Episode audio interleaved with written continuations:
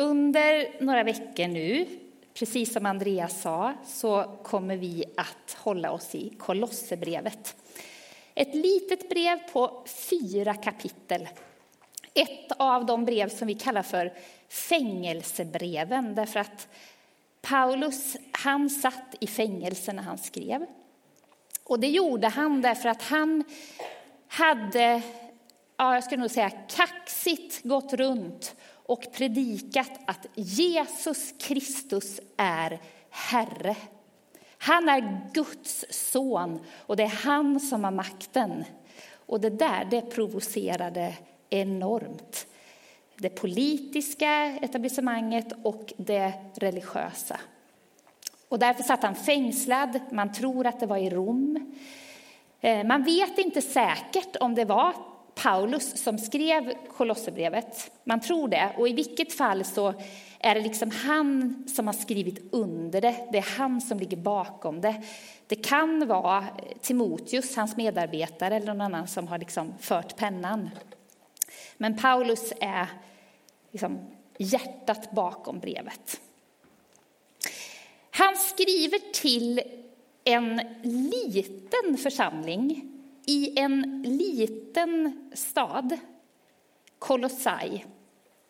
Eller Kolosse, jag vet inte. Kolossai tror jag. Det var inte han som hade grundat församlingen, utan det var en, en kollega till honom kan man säga. Epafras hette han.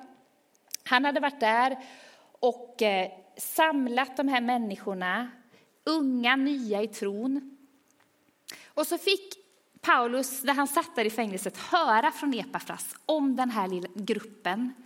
Om hur de hade tagit emot Jesus som Herre, hur de levde liksom i kärlek till varann och levde med det där hoppet. Men han förstod också på de rapporter han fick att i det här samhället så var det väldigt många olika livsåskådningar, eh, olika liksom, ideologier och eh, man tillbad kosmiska makter och det var liksom det ena och det andra som drog.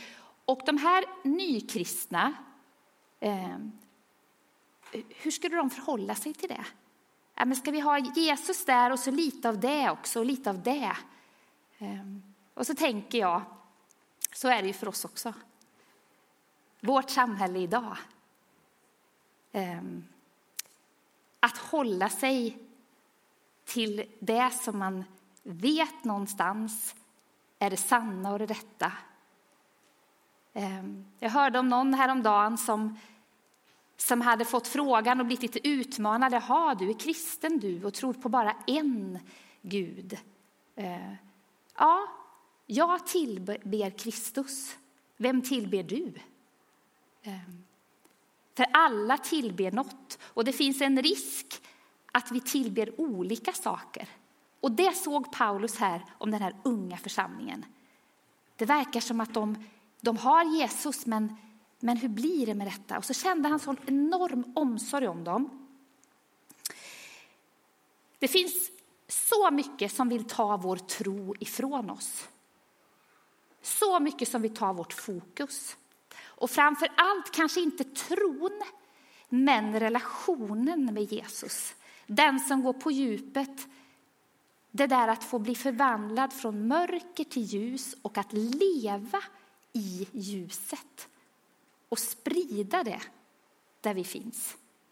Och är det, alltså det räcker ju att vi får tidningen, sätter på vår mobil, sätter på nyheterna. Det är väldigt mycket mörker.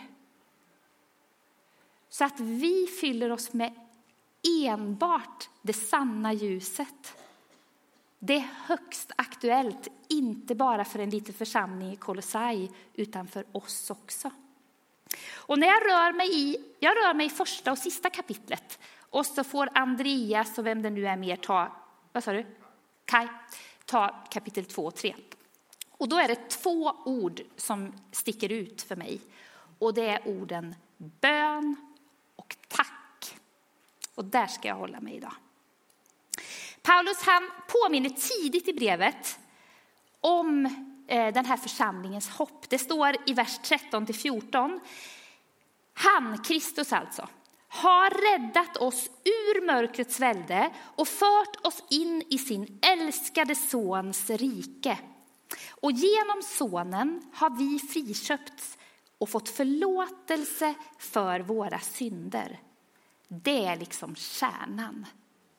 Allt handlar om Jesus.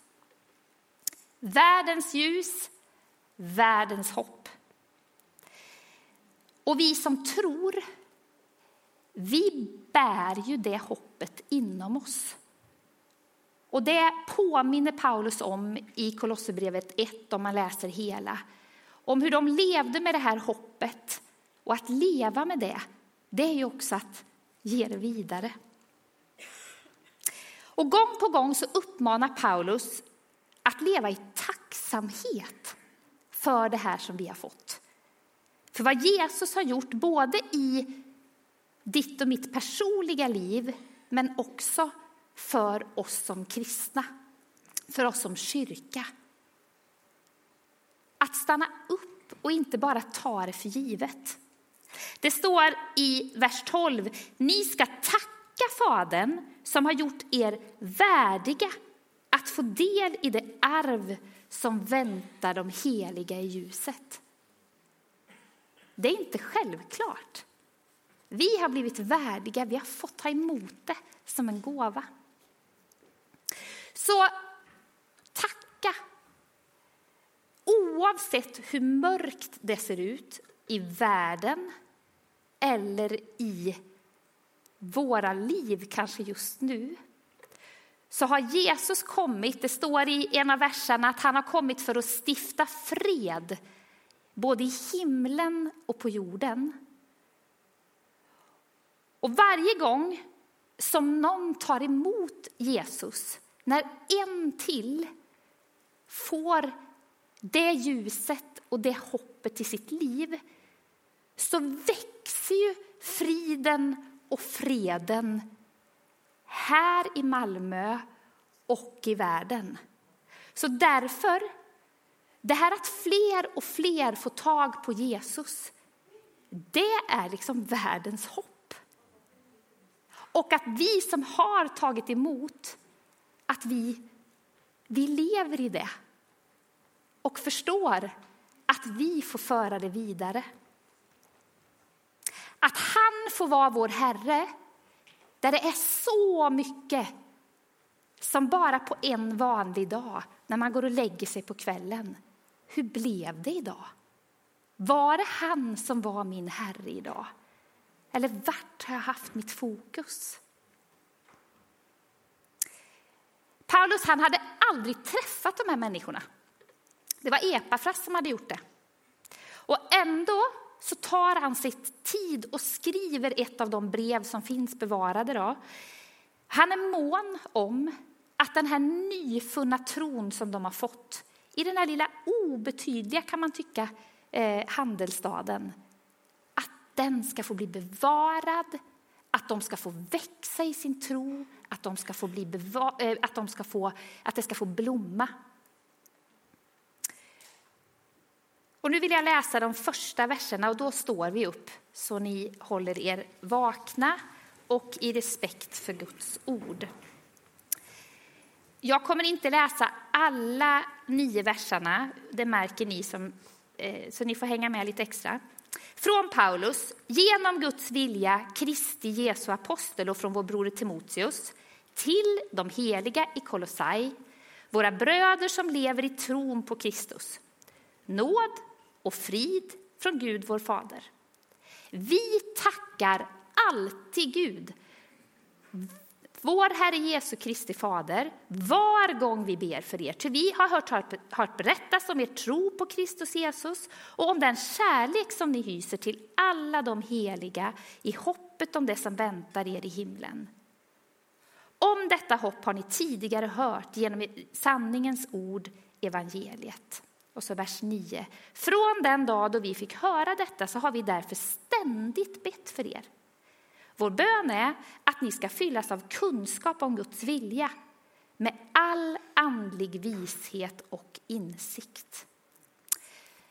Herre, ge oss lite mer kunskap, andlig vishet och insikt idag. Tack för att det vill du alltid göra när vi kommer inför ditt ord. Herre, jag ber att det ska få verka som du vill. Amen. Varsågod och sitt.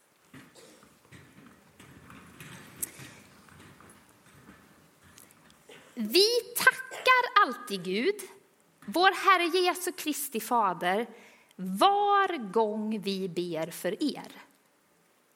Så börjar Paulus, typ så, alla sina brev.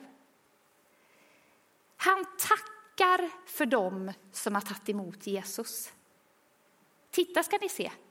Filipperbrevet, Efesierbrevet, eh, Timoteusbrevet. Han börjar med att tacka Gud för dem som har tagit emot. Och ni vet att vårt samhälle pekar på allt annat än Jesus. Vi hör rapporter ganska ofta om kristna ungdomar och hur de blir, liksom, det raljeras till och med över den kristna tron. Det, det har vi liksom lämnat. Sverige har gått vidare. Det hör till historien. Det är mossigt. Och ändå blir människor frälsta idag. Människor väljer att komma hit. Det kommer rätt mycket ungdomar hit på fredagskvällarna och lyssnar om budskapet om Jesus. Vi har en konfagrupp. Igår möttes vår alfagrupp. Det är alfa är alltså en grundkurs i kristen tro. Man väljer att signa upp tio veckor, tio onsdagskvällar för att komma hit och lära sig om grunderna i kristen tro. Igår möttes de nere i Skanör och jag fick rapporter eh, här på morgonen om att de hade haft en så fin dag. Den helige ande var i fokus för undervisningen och mycket hade hänt igår. Det händer i vår kyrka 2023. Ni har valt att gå hit idag. Vi har unga vuxna här i stan och också sådana som har flyttat långt från sina föräldrar som väljer att fira gudstjänst, väljer att komma på samlingar där den kristna tron är i centrum.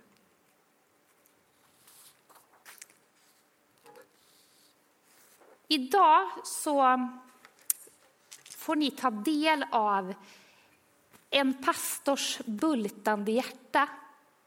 Eh,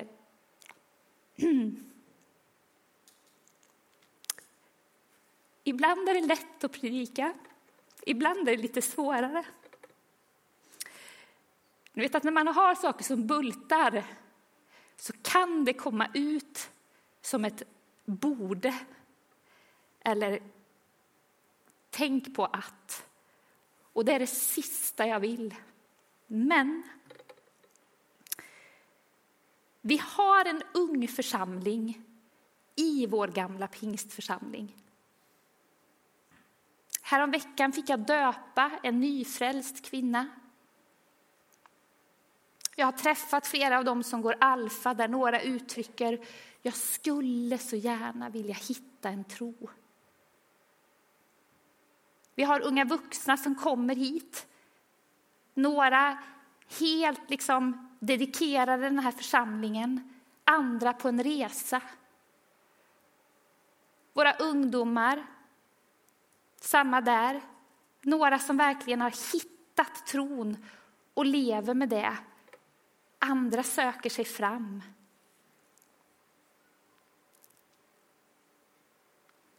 Och mitt hjärta kan ibland gå sönder för alla dem Ibland kan jag tänka att jag skulle hellre vilja jobba i en liten, liten församling där jag kan ha kollen på alla de där. Och så hör ni att jag, får hy, att jag har hybris. Det är, liksom, det är inte så det funkar. Men lite ibland slipping through our fingers. Vilka är alla de här? Ni vet, min dotter, 22 år, har flyttat upp till Umeå och när jag fick höra för ett litet tag sedan hur en familj hade bjudit hem henne i kyrkan där, bjudit henne på middag Och mamman där hade också suttit och lyssnat på det som min dotter brottas med. Det är oerhört vackert. Har alla som behöver det i vår unga församling här någon sån? Jag vet inte. Så du som har varit med länge, gör som Paulus. Tacka för dem som finner tron. Tacka för dem du ser och dem du möter. De som är på en resa, de som liksom har landat. Tacka för dem. För de som väljer att komma hit, väljer att döpa sig, väljer att gå alfakurs och kanske börja komma på våra gudstjänster. Paulus han brister gång på gång ut i tacksamhet. Jag bara läser om Filipperbrevet 1. Jag tackar tackar Gud var, var gång jag tänker på er. Efesierbrevet 1. Jag upphör därför aldrig att tacka Gud för er. Andra Thessalonikerbrevet. Vi måste alltid tacka Gud för er bröder. Och jag tror att när vi börjar be för och tacka så händer det något i oss. Jag har sett det hos flera av er. Hur den där, när ni blir glada och ser någon här, hur det skapas relationer, det skapas förtroenden. Och så får vi bli, kanske någon tycker att det är för stort ord, men andliga fäder och mödrar. Paulus och hans medarbetare de hade en enorm omsorg om församlingen i Kolossai. Att de skulle bevaras i sin tro och växa och bära frukt. För igen, det är det det handlar om, det kristna livet. Vi får ta emot och så får vi ge vidare. Och jag tror att vi alla, några av er kanske är helt nya i tron. Jag tror att vi alla kan få vara förebedjare för någon. Och vi kan också alla få vara förebilder i tron. Vet, vi behöver varann att ta rygg på. Och inte för att vi är färdiga eller liksom har svaren eller tycker att vi liksom, ja, jag är ju en from och bra kristen. Jag tror att det är rätt få här inne som skulle säga så om sig själv. Utan vi vet ju liksom så väl våra fel och brister och vi, vi, vi kanske kämpar med vår tro, vi tvivlar. Det gör vi alla. Men du vet att några här som är här ofta, jag kan bli så oerhört eh, ska säga, trygg när jag bara ser er. Det vet ni knappt om, det får jag börja säga till er. Flera av er som är här ofta, åh, de är här. De sitter. Flera av er är så just nu, när jag såg att ni var här. De är här. Och ni vet att så är det om vi ska, om vi ska ta hand om den här unga församlingen. Nya i stan, nya i tron, unga som håller på att växa, då behöver vi ju finnas för dem.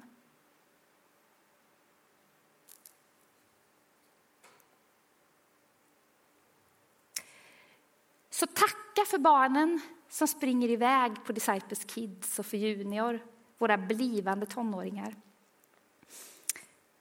Du som är med för att du har ett barn där eller för att du har hjärta för ungdomarna och lagar mat eller bara finns med på fredagskvällen. Tacka för dem du ser där. Det är definitivt inte självklart att en ung människa väljer att gå till kyrkan idag. Och hälsa på dem. Ta med dig några av dem hem i bön och se vad det gör med dig nästa gång du möter dem. Kanske påminns du om att börja be oftare. Be om att de ska finna en trygg tro. Att de ska liksom hitta hem i församlingen här eller om det är så i någon annan.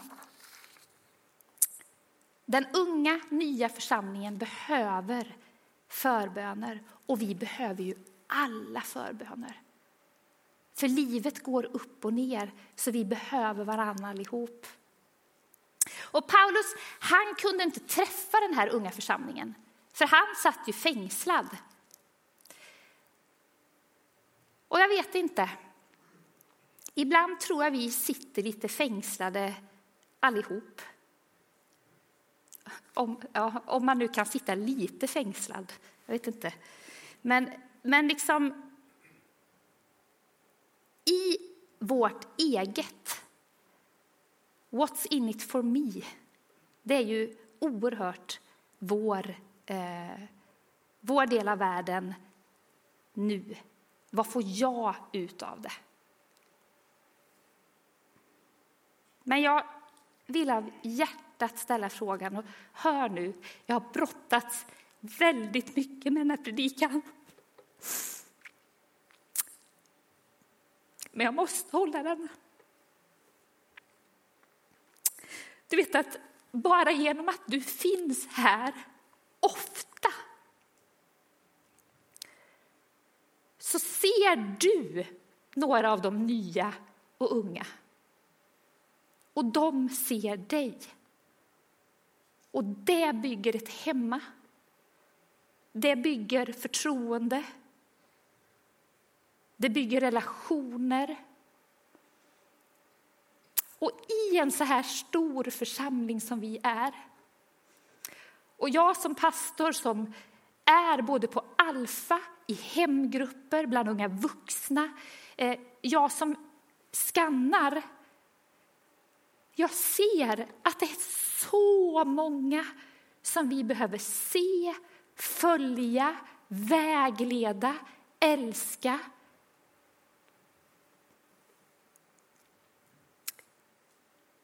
Och det vet ju ni, men jag talar ändå ut det. För jag fick en sån kommentar häromdagen och det, då var jag redan färdig liksom i predikan så det bara bekräftade. Ja, men ni är ju ganska många anställda nu.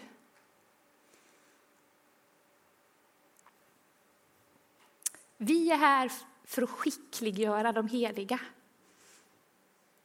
Det är pastorernas uppgift. Givetvis att vara med i själavård och Eh, be och allt det där. Men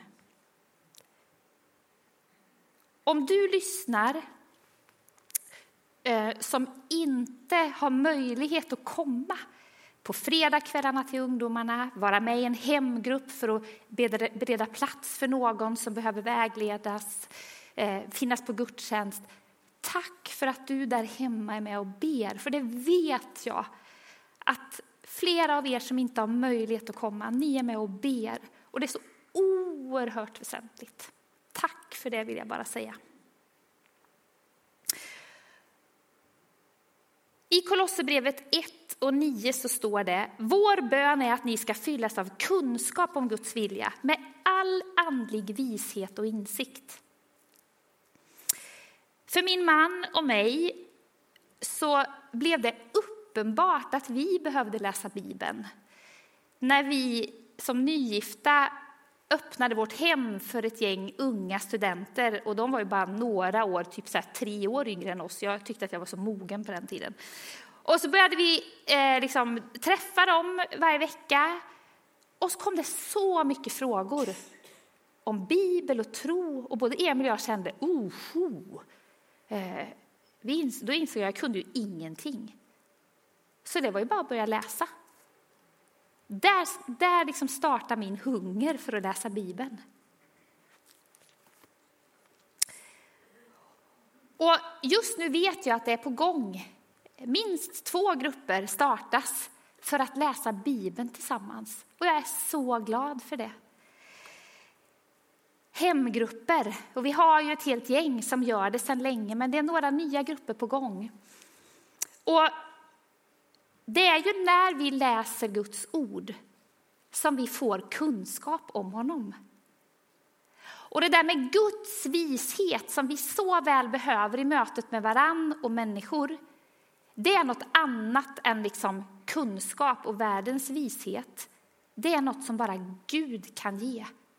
Men det är när vi umgås med ordet och umgås med honom i bön som vi får den där insikten och visheten. Och den behöver vi alla. Så kanske är det någon som tillsammans med några trygga kristna vänner ska starta en hemgrupp. När du, när du har liksom börjat be för några så känner de här behöver ju några unga vuxna som behöver bara få en trygg gemenskap eller några som behöver få växa i tron eller bara börja själva för att ja, men vi behöver ju läsa Bibeln mer. Jag längtar efter att många fler hemgrupper ska startas utifrån det fokuset. För vi behöver både kunskap, vishet och gemenskap för att bevaras.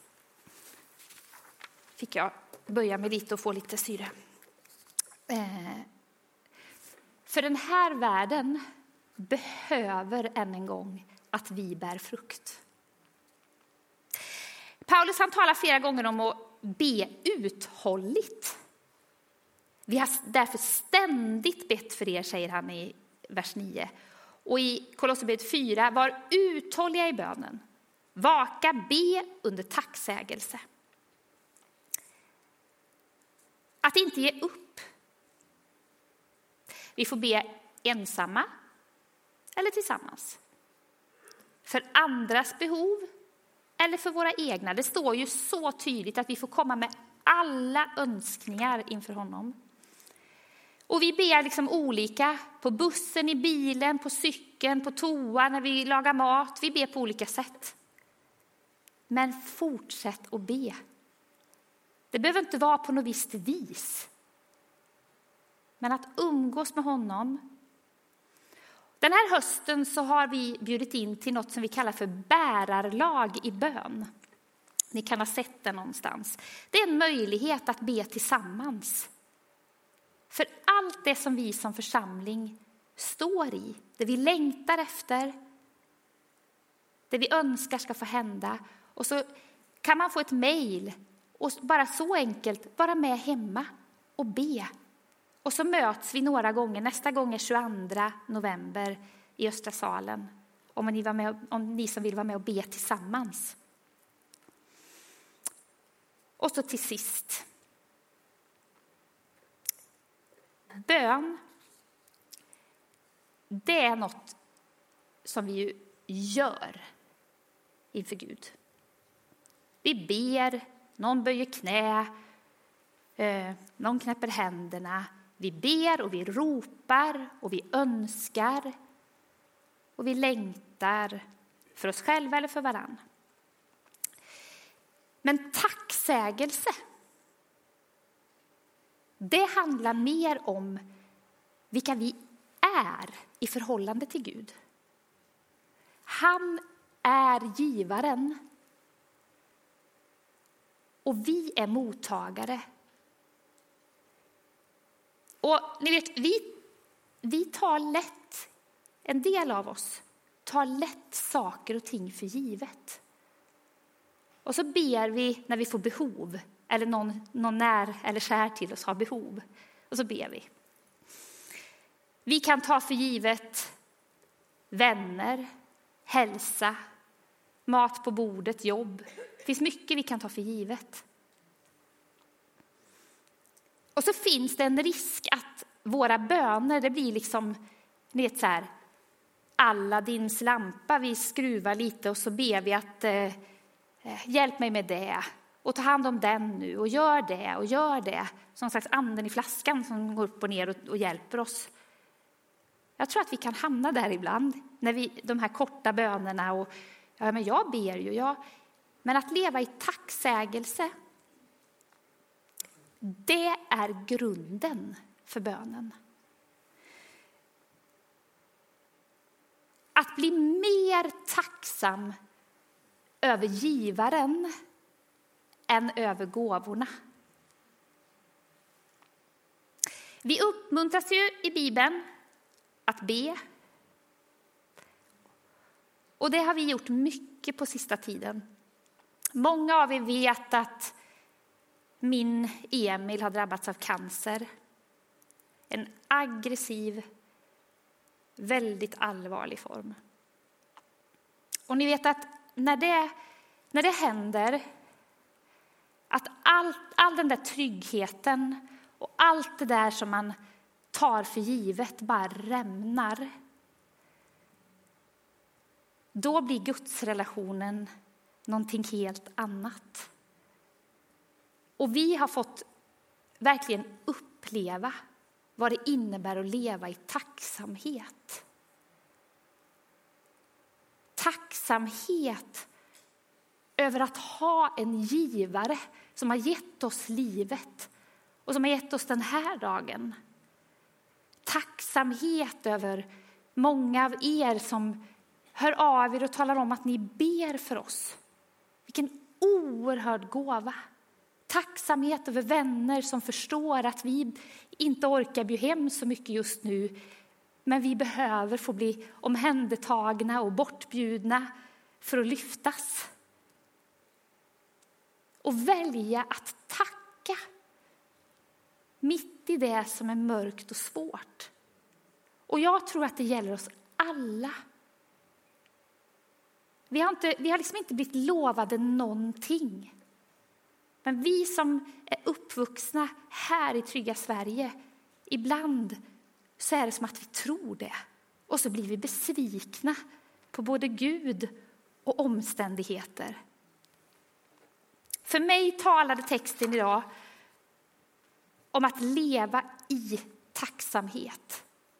Hoppet om att Jesus har redan varit där oavsett vad det är vi går igenom. Han har varit där, han bär oss i sin hand.